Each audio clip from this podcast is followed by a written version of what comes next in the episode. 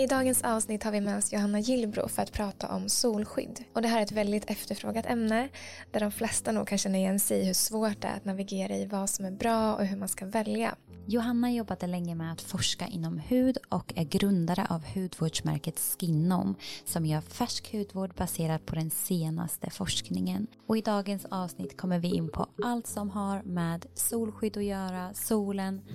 Ja, ett helt otroligt avsnitt.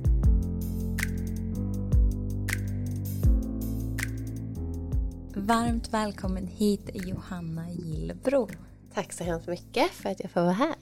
Vi är så peppade på det här avsnittet och det är så många som har längtat efter att prata om det här ämnet. För vi kommer ju prata om hudvård och solskydd framför allt. Just det, ja. Mm. ja men vi har verkligen märkt att det är efterfrågat mm. och det är någonting vi själva också efterfrågat. Just för att det är en djungel mm. att navigera i. Ja.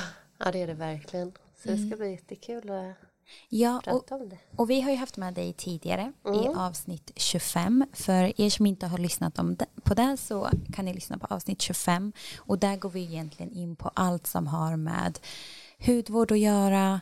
Så det kan man ju verkligen rekommendera att lyssna ja, på först. Väldigt, väldigt lärorikt. Mm. Men för de som inte har lyssnat på det, kan inte du bara kort berätta om dig själv?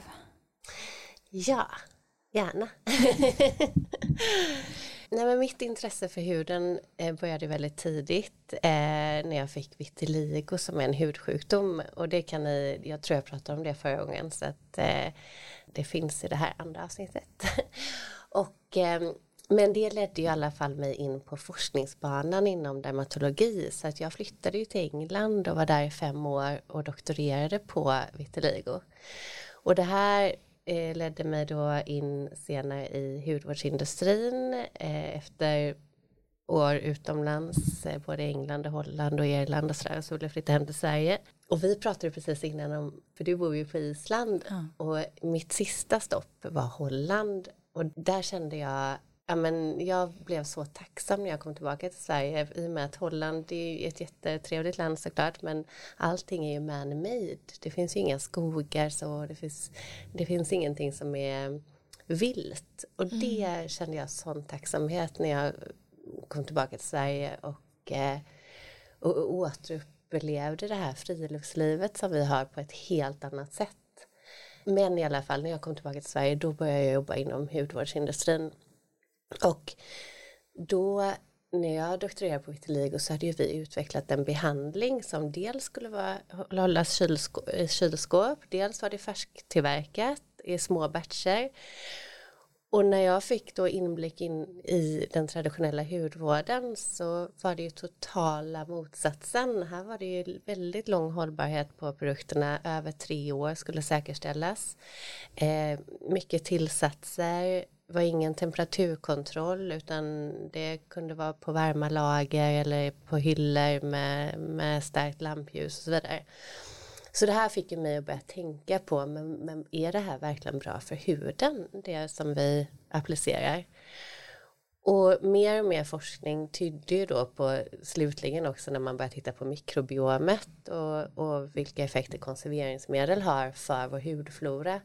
Då, stod, då, då stod det så klart för mig att nej, men med det som jag jobbar med nu, jag jobbar inte med någonting som är det bästa för huden. Och det var ju där för 20 år sedan där jag började min bana just för att göra någonting som är det bästa för huden. Och det här ledde då till att jag skrev en bok som heter Hudbibeln och jag startade ett bolag som heter Skinom där vi försöker verkligen utveckla hudvård som är det som huden som är det bästa för huden helt enkelt. Nej, alltså jag ryser för när du också började berätta precis om hur det såg ut i början och vad ni tog fram. Det är ju verkligen det ni jobbar med idag. Mm. Alltså hela er filosofi och hur produkterna tas fram och också ja, men att man har dem i kylskåp, hållbarheten, probiotika i vissa produkter. Nej, men alltså, jag, jag får verkligen rysningar, så mäktigt. Mm. Ja, och det är så häftigt också för ni gör ju verkligen någonting som utmanar branschen. Ja. Och det är inte lätt. Nej. Så det är också så imponerande den resan ni är på att ja, men göra hudvård på ett helt nytt sätt. Mm. Och det gör ju också att man måste utbilda konsumenten i ja, men, skillnaden och varför. Mm. Och det är så intressant att höra. Ja, Verkligen. ja men vad kul att du, att du tycker det. Och det har, precis som du säger, det har varit otroligt utmanande. Och det har varit, det har varit många gånger man har varit nära att ge upp. För att vi, vi började utveckla produkter, ja men dels gjorde jag det på kvälls och helgtider under många, många år. Och sen hade vi ju heltid där vi hade startat bolaget. Bolaget startades 2018. Vi hade ingen produkt på marknaden förrän 2020, så de två åren eh, var ju bara liksom rena utvecklingsår eh, där vi hade rekryterat kemister från, från Frankrike, vi byggde ett labb på Kungsholmen som vi nu har flyttat till Söder. Men, men det har ju varit otroligt resurs, resurskrävande att, att göra hudvård på ett helt nytt sätt. Mm. Och det är ju också en risk. Det vet ju vi med tanke på alltså vad, vilka produkter vi har. Att till exempel ha en hållbarhet på ett år. Ja, Eh, det är ju verkligen en risk på det sättet. Mm. Eh, för man investerar ju väldigt mycket pengar i det. ja, Och sen, ja. Mm. Så det är också mäktigt att våga göra det. ja, Verkligen, för det är, ju, alltså det är ju det som krävs, att man har modet och håller i och vågar tills det blir den nya normen. Liksom. ja exakt. Så det, och det är precis det som ni säger också det här med utbildningen. För det, det, det är det som vi försöker jobba mycket med nu, bara att belysa skillnaderna. Vad är, vad är skillnaden mellan traditionell hudvård och eh, färsk hudvård? Mm. Och vi gör ju studier med, vi har gjort studier med Linköpings universitet, Uppsala universitet, Karolinska nu, där vi tittar faktiskt på skillnaderna mellan traditionella hudvårdsmärken och färsk hudvård. Och vi ser ju eh, signifikanta skillnader både på hudmikrobiomet men även på visuella parametrar, alltså hur huden ser ut, hudtextur, irritation, rödhet, regelbundenhet, hudton och så vidare. Wow. Mm. Men det är det som är så häftigt också, att ni faktiskt utgår från det här vetenskapliga. Att ni får eh, menar, testa resultaten svart på vitt. Ja, Det är superspännande. och det har ju varit när vi sökte, vi har ju investerare eh, i sen det har gjort det möjligt till att, att göra det här. Och det var också ett krav från början att vi vill fortsätta med forskningen. Eh, så att det, det är ett väldigt eh, starkt backbone i, i bolaget. Mm. Vi ska ju prata mer om eh, solskydd och eh, i din bok Hudbibeln som vi nämnde här innan och som vi verkligen också kan rekommendera att läsa eh, där pratar du mycket om just solskydd och hur viktigt det är när man vistas i solen. Men varför är det viktigt att använda solskydd när man är i solen? Jag tänker att vi börjar där. Ja, Nej, men solen har egentligen positiv verkan också. Vi kan komma in på, på det också. Men de två stora negativa delarna med solljus det är ju dels att, att det är en, en klar korrelation med hudcancer och det finns ju en mängd olika cancerformer, hudcancerformer och där den allvarligaste egentligen är melanom. Men det, där har vi ju en direkt koppling eh, och därför är det viktigt att skydda sig mot solen. Men sen har vi hela ålders, eh, eh ålderskategorin eh, också. Så att eh, om man bara jämför till exempel huden på det, på bakdel eller bröst på kvinnor till exempel så ser ju den huden helt annorlunda ut än en solexponerad hud. Till exempel om man då jämför, det kan man göra enkelt själv, speciellt om man har blivit lite äldre, att man tittar på eh, handhuden eller ansiktshuden som har varit solexponerad och då jämför den med huden på bakdel eller bröst på kvinnor som inte är solexponerad.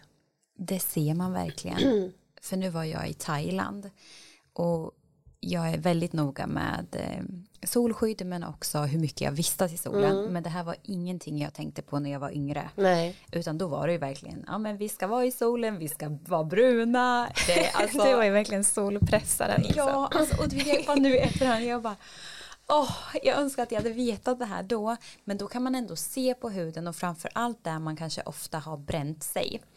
Hur den på något sätt känns, eh, Men man kan se med att den är lite rynkig. Framförallt mm. på bröstet här kan mm. jag se typ att så här, det är skillnad på huden. Mm. Där man har exponerats och där, framförallt där man kanske har bränt sig tidigare. Mm. Ja, så är det absolut. Mm. Så att för att sammanfatta så är det just de två negativa aspekterna med solen skulle jag säga. Sen finns det ju många positiva och det pratar vi kanske inte lika mycket om men en viss solbestrålning gör ju att vi mår väldigt bra som till exempel D-vitaminproduktion är direkt, också direkt korrelation med solexponering och även så har man ju också sett en direkt koppling till att man eh, får må bra hormoner. Alltså om, om solen kommer i kontakt med ögat så ser man en frisättning av serotonin till exempel som gör att vi mår bättre.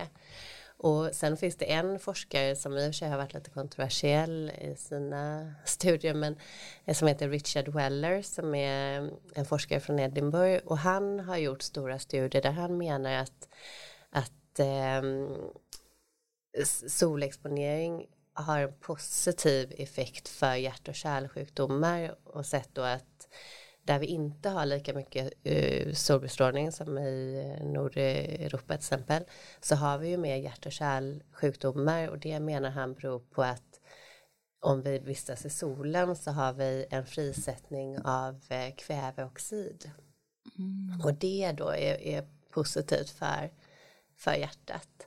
Så att, eh, att solen har positiva effekter, det, det, så är det ju definitivt också. Men vi bör inte bränna oss och vi bör inte exponera oss när solen är som starkast helt enkelt. Bara för att sammanfatta det du säger nu, om man vill vistas i solen på ett tryggt sätt mm. för att få ut ja, men, maximala fördelarna, hur ska man tänka då på en dag? Hur mycket kan man vara ute i solen? Ja, har du några tips där? Ja, Eh, dels så ska man undvika att vara ute i direkt solljus. Alltså på, så att tittar man på UV, det, kan, det här kan man gå in på SMHI och titta på. Eh, det finns kurvor för hur stark solen är under olika månader. Men tittar vi på sommarmånaderna, alltså maj, juni, juli, augusti, då i Sverige så kan UV-index ligga på nästan ja, 4 till 7 och det, det är högt. 7 och, och vid Medelhavet kan det ligga upp mot 11, 12, 13. Um, och jämför man det då med, med vinterhalvåret i Sverige så ligger det nästan på noll. Det kommer inte upp över 1 till 2.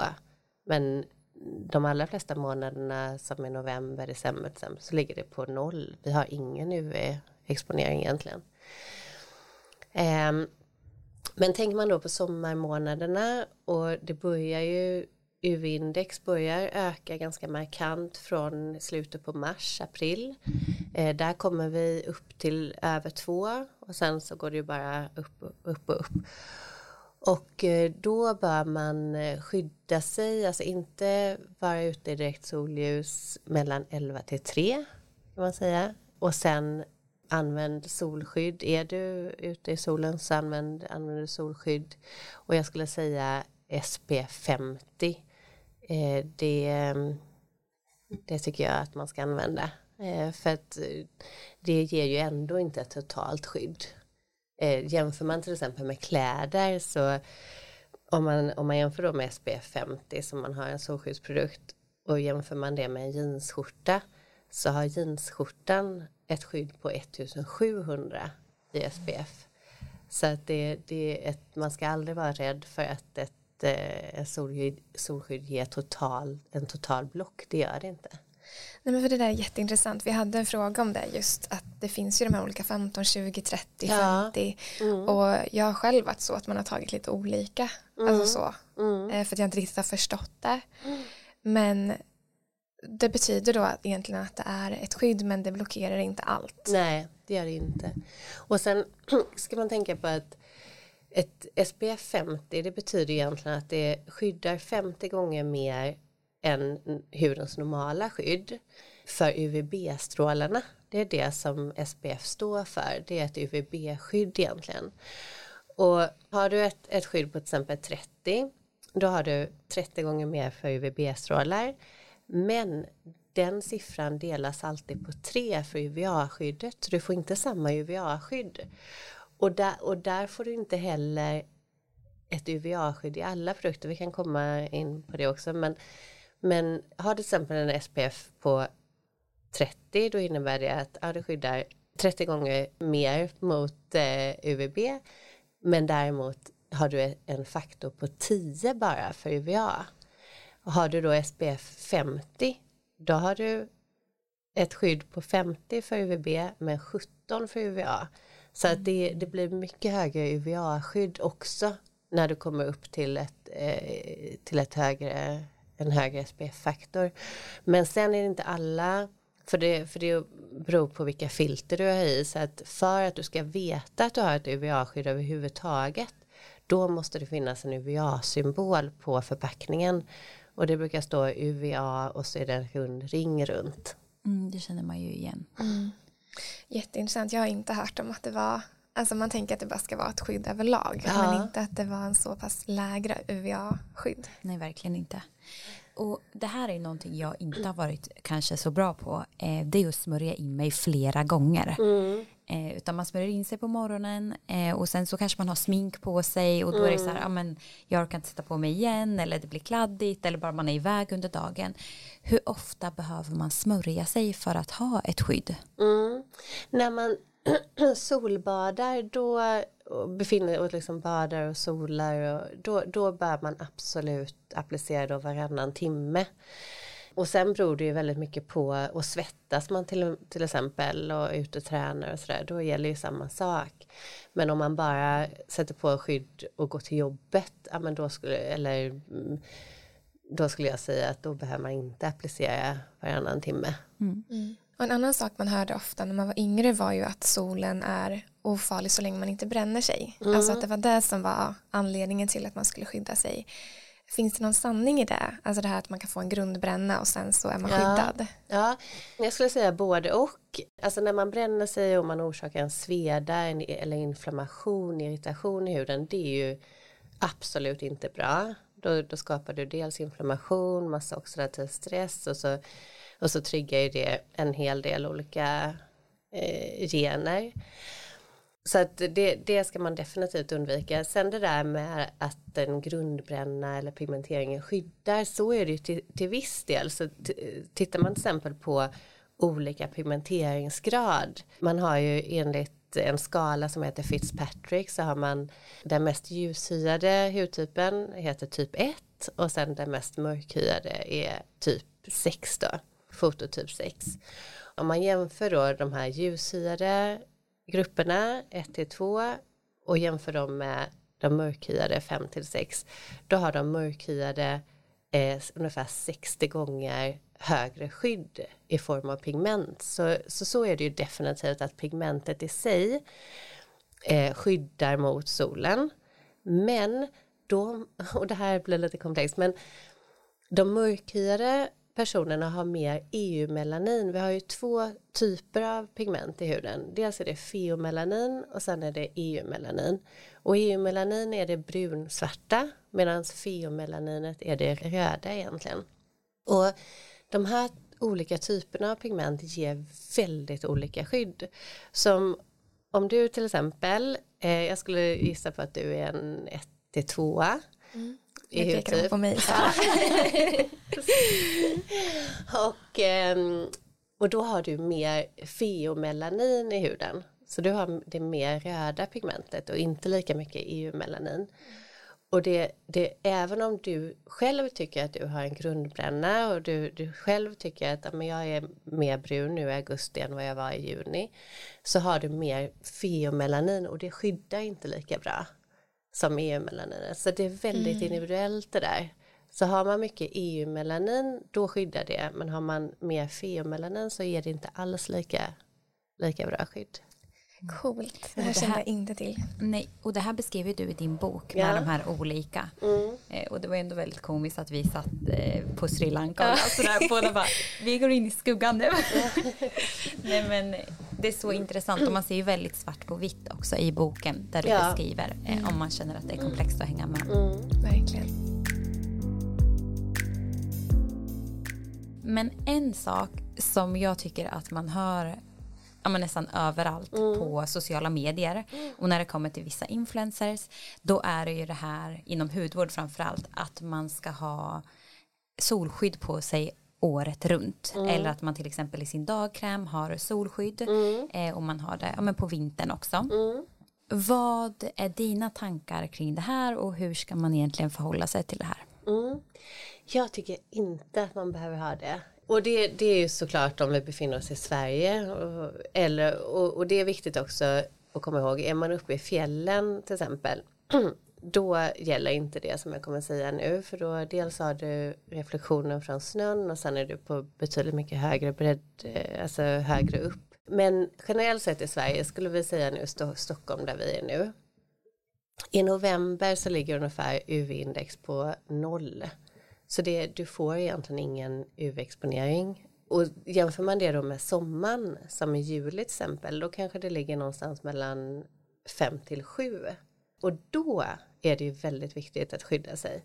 Men inte när, man, när UV-index ligger så otroligt lågt. Och sen finns det då, eh, vi har fått flera frågor, ja men UVA ändras ju inte lika mycket under vinterhalvåret. Jo, det, får- alltså, eh, solen är ju fortfarande lika långt ifrån jorden så att den eh, följer, tittar man på grafer från eh, ja, men, SMHI så ser man att eh, både UVA och UVB minskar på vintern.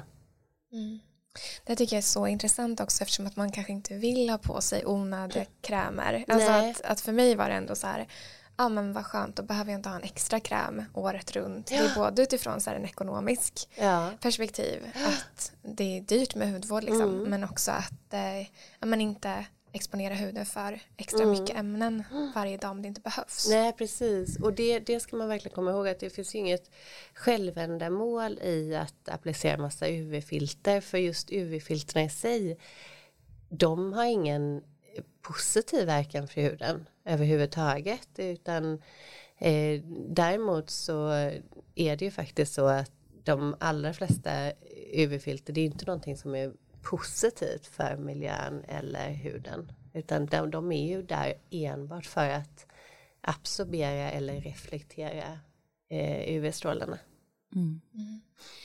Och du touchade ju lite kring det kring hudens åldrande. Ja. Så jag tänker att vi ska djupdyka lite mer i det. Och i hudbibeln så beskriver du att ungefär 80% av hudens åldrande eh, beror på vad vi utsätter huden för när det kommer till liksom så externa faktorer eh, där solen är det främsta.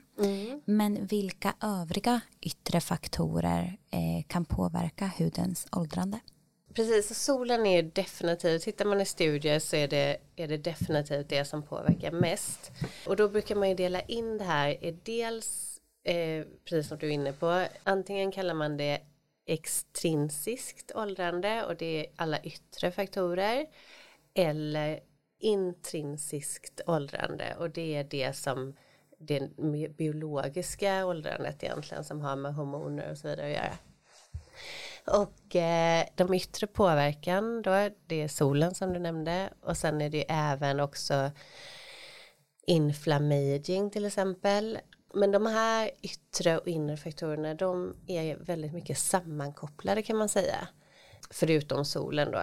Man vet att när vi åldras så har vi, man brukar prata om senescens, det är alltså när, och det händer med alla våra celler, dels i huden men även i, i kroppen, att cellerna går in i stadium, vilostadium.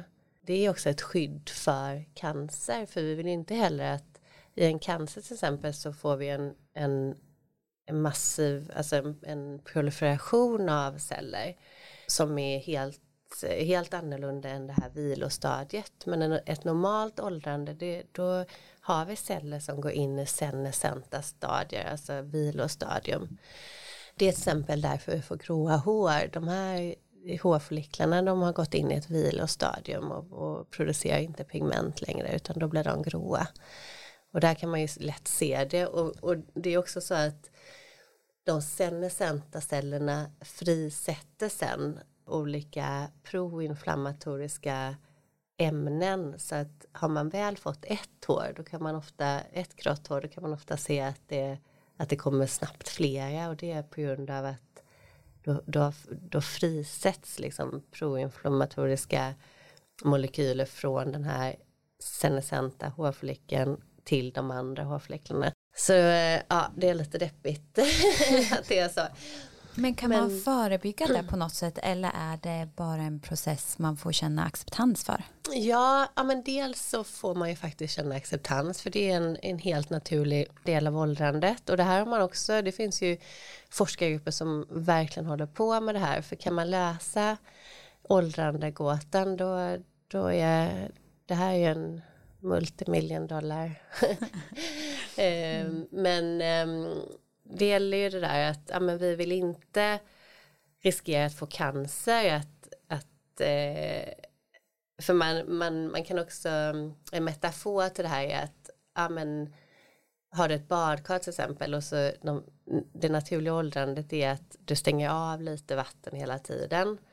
Med, men får du en cancer då bara du skruvar upp det här vattenflödet och så, och så kommer det hur mycket vatten som helst och där vill man ju inte hamna. Men man vill ju helst inte heller hamna att de här alla cellerna kommer in i vilostadium. Ja, det här är en balans, men kan man, när man, eh, jag menar det finns ju mycket studier som visar att ja, vissa ämnen i grönsaker och frukt till exempel, eh, det eh, har då antisenescenta, antisenescent aktivitet. Och då, jag har faktiskt en lista på det i hudbibeln. Eh, så då finns det ämnen som till exempel finns i vitlök, äppleskal, jordgubbar, olika kryddor, gurkmeja är ju en, en eh, men det finns ju hur många um, olika örter och frukter och grönsaker, broccoli bland annat som, som innehåller de här ämnena som då har visat ha senescent effekt. Och sen, sen när man har tittat på olika dieter då ser man ju också i studier att medelhavsdieten den har mest alltså anti-inflammaging eh, effekt. Så att eh, just att minska den här kroniska inflammationen det hjälper ju också. Mm. Och det är så intressant med just medelhavskost för att mm. eh, det är flera studier som också supportar det kopplat till äggkvalitet. Ja, eh, att man kan stärka äggkvalitet, att man har sett det genom ja. att äta mer medelhavskost. Och det finns ju säkert en sammankoppling med just antioxidanter, inflammation, verkligen. med tanke på äggcellen och hela mm. den delen. Mm. Så det är så intressant hur de också hänger samman. Mm. Det där är jättespännande. För vi är ju verkligen en helhet. Mm. Verkligen. I dagens avsnitt vill vi tacka vår fantastiska sponsor Skinom som ger färsk hudvård. Och Skinom är grundat av hudforskaren Dr. Johanna Gillbro som även är författare till bästsäljande boken Hudbibeln. Ja, och vi läste Johannas bok förra året och vi blev helt frälsta och har båda använt deras ansiktshudvård efter det. Precis, och konceptet är baserat på mer än tio års forskning och produkterna är utvecklade i deras laboratorium här i Stockholm. Och som man kanske kan gissa utifrån beskrivningen så är det unika med färsk hudvård att det inte innehåller några konserveringsmedel eller onödiga tillsatser som parfym eller färgämnen. Mm, och det här är ju någonting som är så viktigt för oss. Och någonting som vi har fått extremt mycket frågor kring senaste åren är ju just bra solskydd. Eftersom att solskydd kan innehålla hormonstörande ämnen solen. Och Skinom har nu lanserat sitt första solskydd för ansiktet, Sun Emulsion med SPF 50+. Vilket vi är så himla glada för, både för vår egna skull men också för vår community. Exakt. Och det som är så coolt med Skinom är att de har tagit fram en helt ny generation av solskydd. Och det som gör det unikt är att den bland annat innehåller en unik kombination av hudvänliga mineraler och organiska UV-filter som gör den säker, trygg och effektiv. Den innehåller också nya och innovativa organiska filter med stor molekylstorlek som inte kan tränga in i huden och som inte är hormonstörande. Ja, och deras filosofi är ju också minimalistiskt koncept med hudegna och vårdande ämnen i alla deras produkter. Och solskyddet är även fritt från konserveringsmedel för att inte störa hudens mikrobiom. Och den är även helt utan parfym och onödiga tillsatser, vilket vi älskar. Yes, och vi har fått äran att dela en rabattkod till er på alla Skinnons produkter. Så uppge koden WomenSync20 med stora bokstäver så får ni 20% rabatt på deras hemsida under april månad. Och ni kan läsa mer om Skinnon och deras produkter på deras hemsida skinnon.se. Tack så mycket Skinom.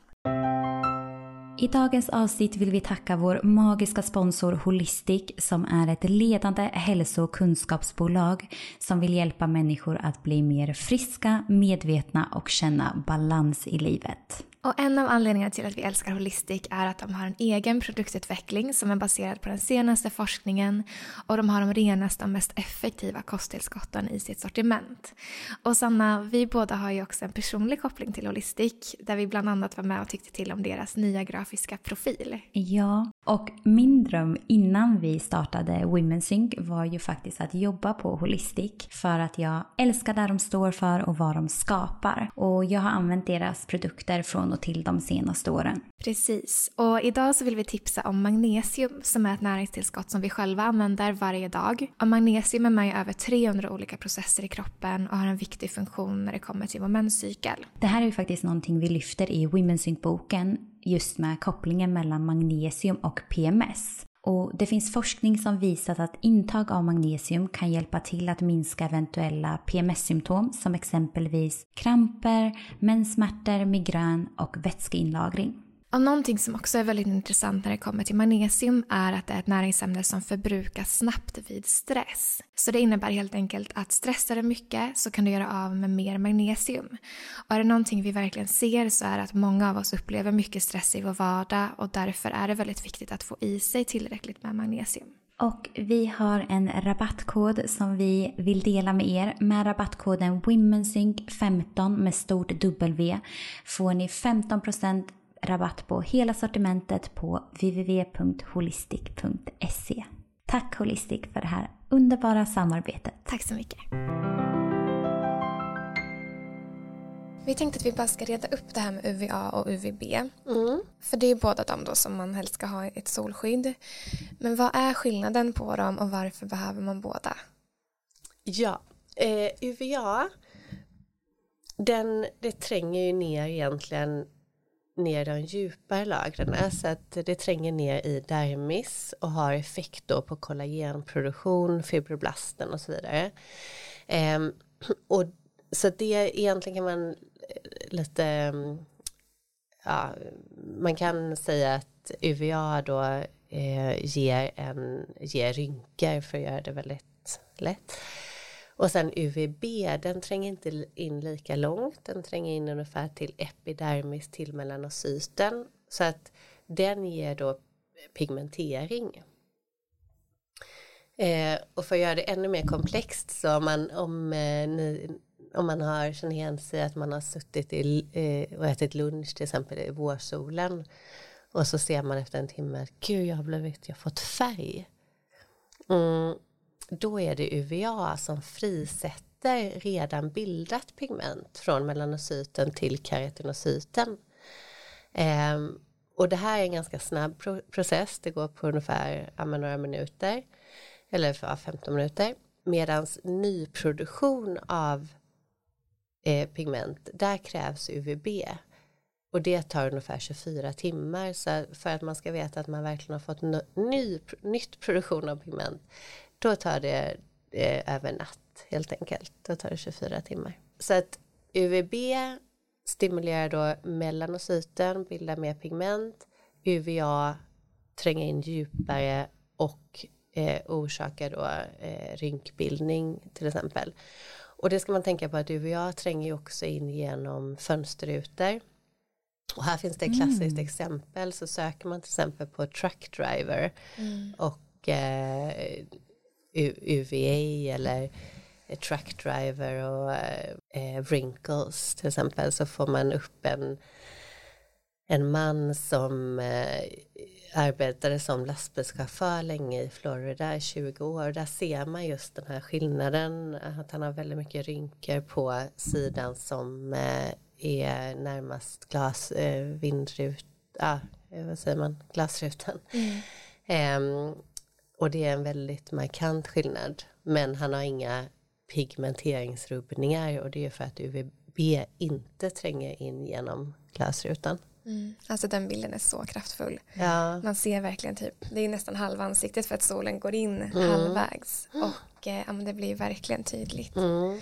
Men det här med pigmentering, att, då förstår jag att det delvis alltså, bidrar till att man blir liksom, får en brunare färg. Mm. Men är det också då UVB som gör att man kan få pigmentfläckar? Ja, precis. Mm, och speciellt när man blir äldre, att man kan få typ ja. mörkare fläckar. Ja, det är främst UVB, absolut. Okay. Och man märker ju hur de kan komma så snabbt.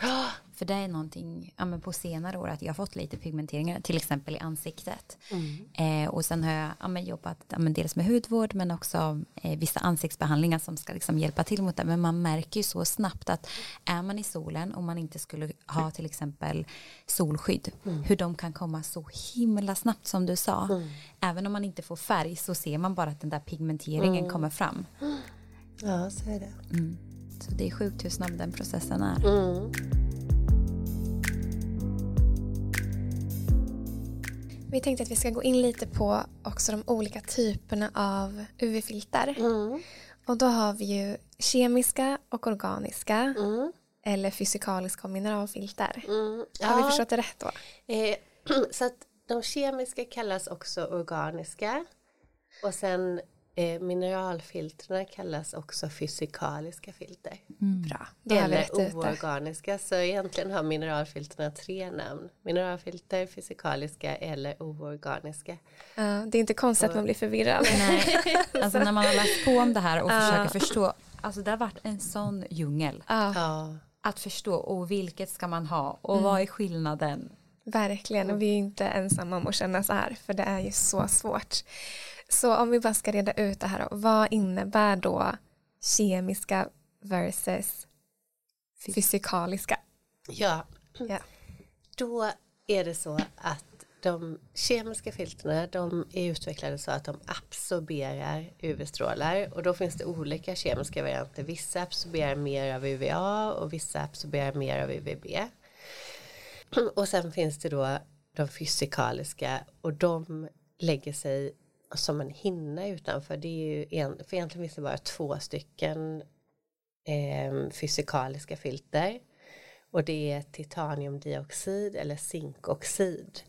Och de två lägger sig på hudytan och reflekterar solstrålarna. Och båda, de reflekterar egentligen både UVA och UVB. ja, men bra. Så att, och sen är det många som har varit rädda för kemiska filter. Det beror på att vissa av de här kemiska filtren har ju visat sig ha skadlig effekt för vår hälsa och, och även för miljön. Och det är främst de här äldre varianterna av kemiska filter, till exempel oxybenzon som även kallas eh, bensofenon 3, avobenzon till exempel, eh, homosalat, Ehm, och till Krulén. Men speciellt då skulle jag säga de här äldre varianterna, alltså också benson. Eh, har man ju sett, de är så små i molekylvikt så de penetrerar huden. Och där kan man ju se att de har, att de, man till och med mäter ganska höga halter i urinet, så det har gått igenom, eller att man kan se det i bröstmjölk exempelvis. Och det här, de har ju visat sig ha hormonstörande effekt. Och sen finns det även andra filter av de här kemiska äldre varianterna som har, eh, alltså man inducerar en hudallergi.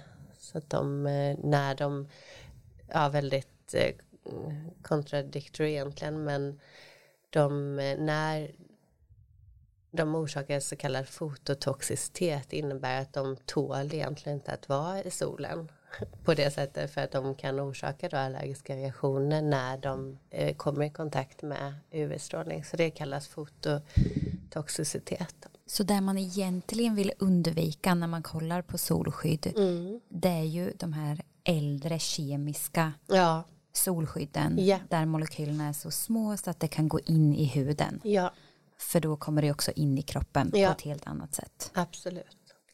Men används de fortfarande så att man behöver titta efter dem på Ja. inkelistorna? Ja, tyvärr så gör de ju det. Så till exempel Oxybenzoan då är ju eh, fortfarande lagligt. Dels använder man det väldigt mycket i USA. Och, och det kan vi också prata om varför det är så. Men i EU så är Oxybenzoan fortfarande eh, lagligt upp till en halt på 6 procent.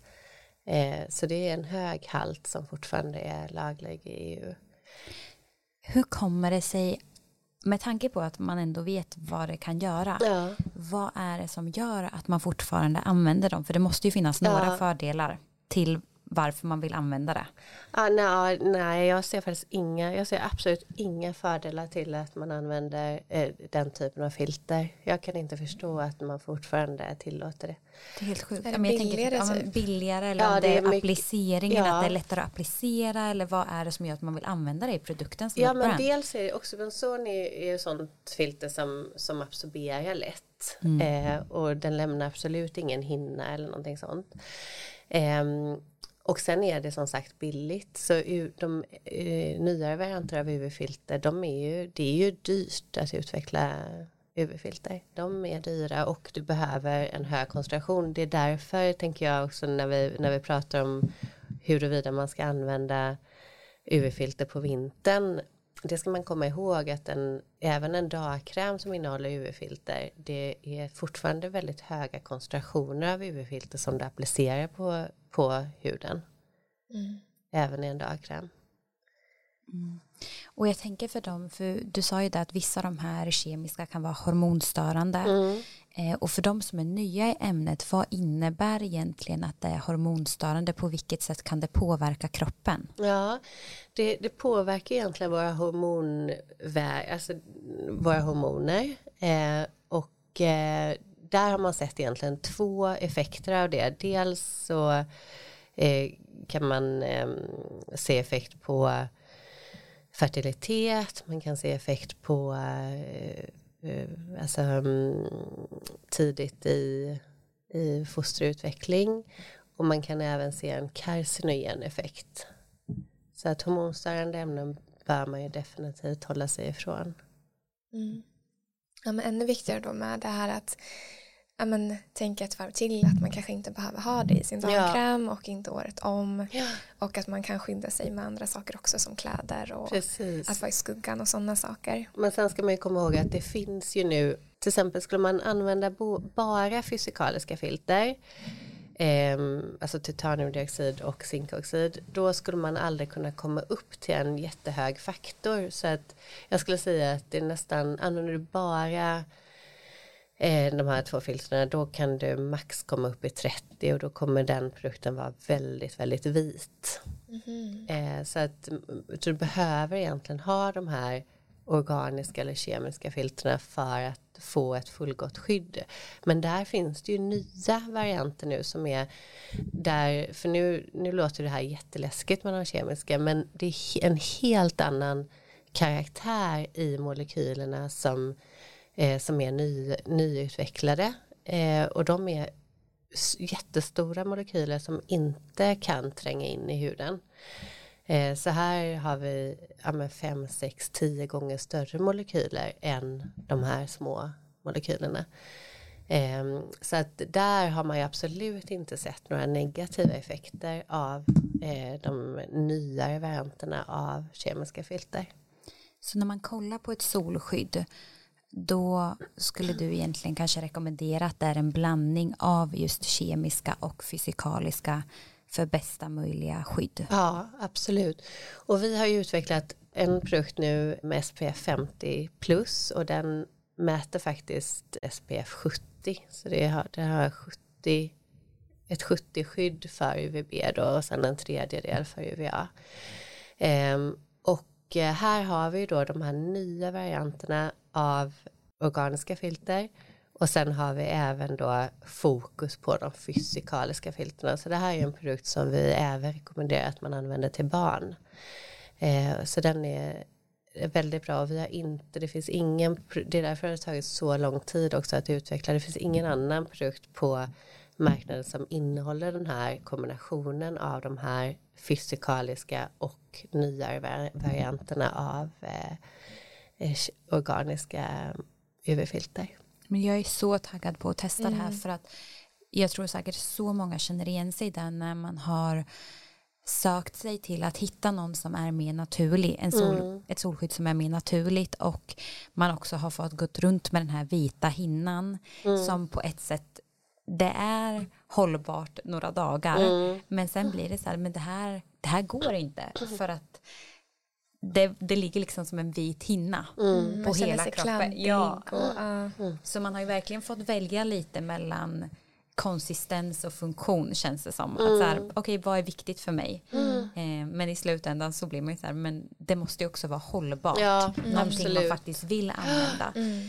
Mm. Men prata om att de funkar även för barn. Funkar de då även när man är gravid eller ammar? Ja, det skulle jag absolut säga. Absolut. Ja, men det är också viktigt att man kan känna sig trygg med produkten oavsett. Ja. Så bara för att göra det tydligt för dem, också för att, till, som lyssnar och för att kunna navigera. Mm. När det är ett solskydd som kanske är väldigt, väldigt lätt att applicera på kroppen, mm. som bara sjunker in direkt, mm. då med stor sannolikhet så eh, består den mer av kemisk, kemiska filter. Ja. Kan det vara så? Ja men absolut. Och om man mer har en so ett solskydd som är, lägger sig som en vit hinna mm. då innehåller det med stor sannolikhet mer fysikaliska ja. filter. Ja men mm. så är det, absolut. Och helst vill man ha en mix av båda. Ja, för om man ska komma upp i SPF 50 så behöver man ha en mix av båda om man inte ska bli helt, helt vit som en zinkpasta. Mm. Och undvika då de äldre kemiska filtrerna som kan gå in i huden. Ja. Det är det som blir viktigt ur ett mm. hormonstörande mm. perspektiv. Precis, och okay. vi har faktiskt lagt ut på Skinoms hemsida så finns det artiklar där vi har skrivit eh, ja, men vilka kemiska filter man, man kan, vi har en tabell på eh, studier som visar vilka negativa effekter de har så att man kan söka sig bort från de här filtrerna. Här skulle man nästan vilja göra en lista på att man kollar på de brands som finns idag ja.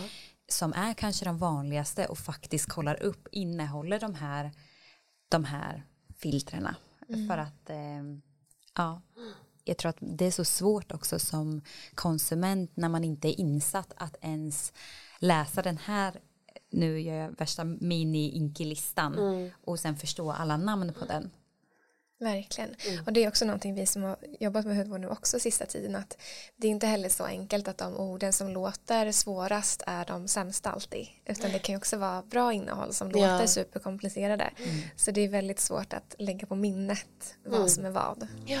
ja, men så är det verkligen.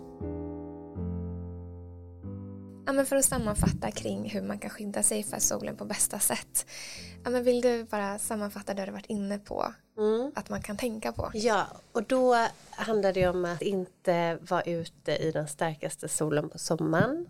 Så att använd även komplement till solskyddsprodukter, så kläder, hatt, gärna stora solglasögon. Eh, för huden runt ögonen den är ganska tunn så att, eh, och då skyddar det bra med sol, stora solglasögon. Och hatt, där ska man tänka på att ha mer än 15 centimeter i brätte så att det verkligen skyddar mot solen, att ansiktet skyddas mot solen. Mm.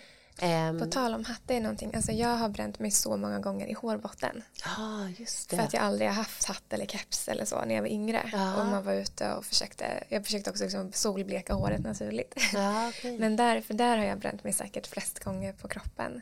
Ja. Så det är också en sån hudyta som man inte riktigt tänker på. Finns. Nej, exakt. De flesta män har, brukar ha problem med det om man eh, tappar lite hår. Mm.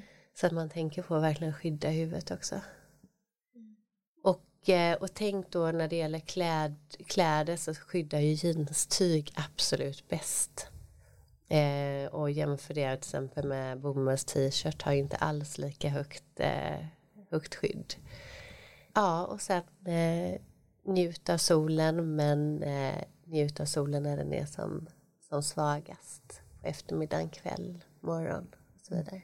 Och jag tror här finns det någonting man också jag har liksom vuxit upp i det här att vara brun är någonting nice och man känner sig så fräsch när man är på det sättet är det väldigt kul på Island för där är ju människor väldigt bleka mm. och när jag kollar på dem tänker jag men det är så alltså de är så himla fina mm. men jag märker på mig själv att jag kan känna så här ja, men när man är väldigt vinterblek man kan känna bara så här ja, jag vill få lite färg men jag tror också att det handlar om förhållandet och vad man värderar som någonting som är fint. Ja. Det är ju 100% kulturellt. Alltså ja, att vi bara har vuxit upp med att ja.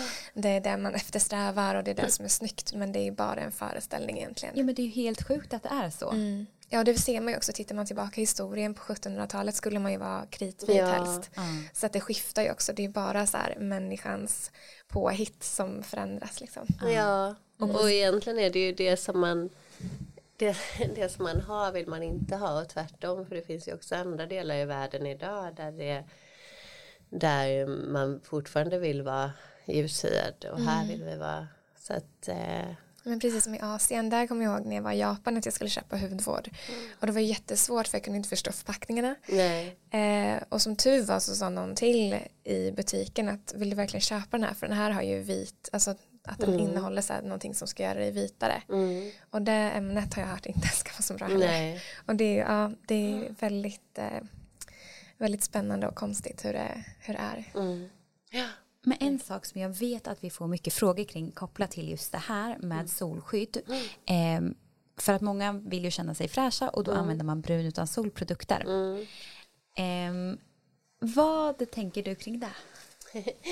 Ja, jag är ingen fan av det. Eh, och anledningen är när jag forskade på vitiligo då var det ju många vitiligo-patienter som använde brun utan sol då, eh, för att täcka fläckarna. Men vi såg i många fall så blir det värre, alltså det blir mer oxidativ stress och det har man visat också i studier. Så att det här DHA, dihydroxaceton som egentligen finns i de allra flesta brun utan solprodukter det, det ger oxidativ stress.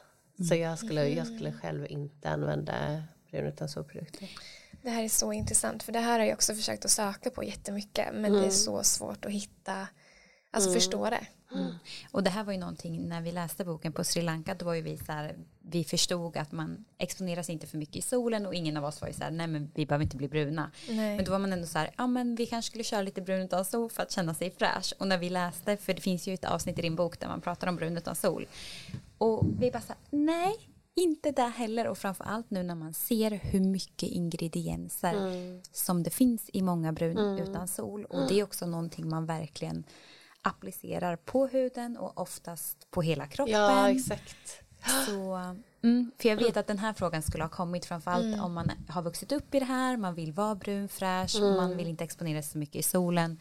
Då vill man hitta ett annat alternativ. Mm. Och det ska man komma ihåg eh, precis att det, det som är det viktigaste det är ju faktiskt det du applicerar på hela kroppen, på hela eh, hudkostymen och det är då du har eh, med tanke på mm, solskyddsprodukter eller mm, brun utan sol att då har du ju mycket högre risk att, att du får en systemisk påverkan för då har du verkligen applicerat på hela hudkostymen. Mm.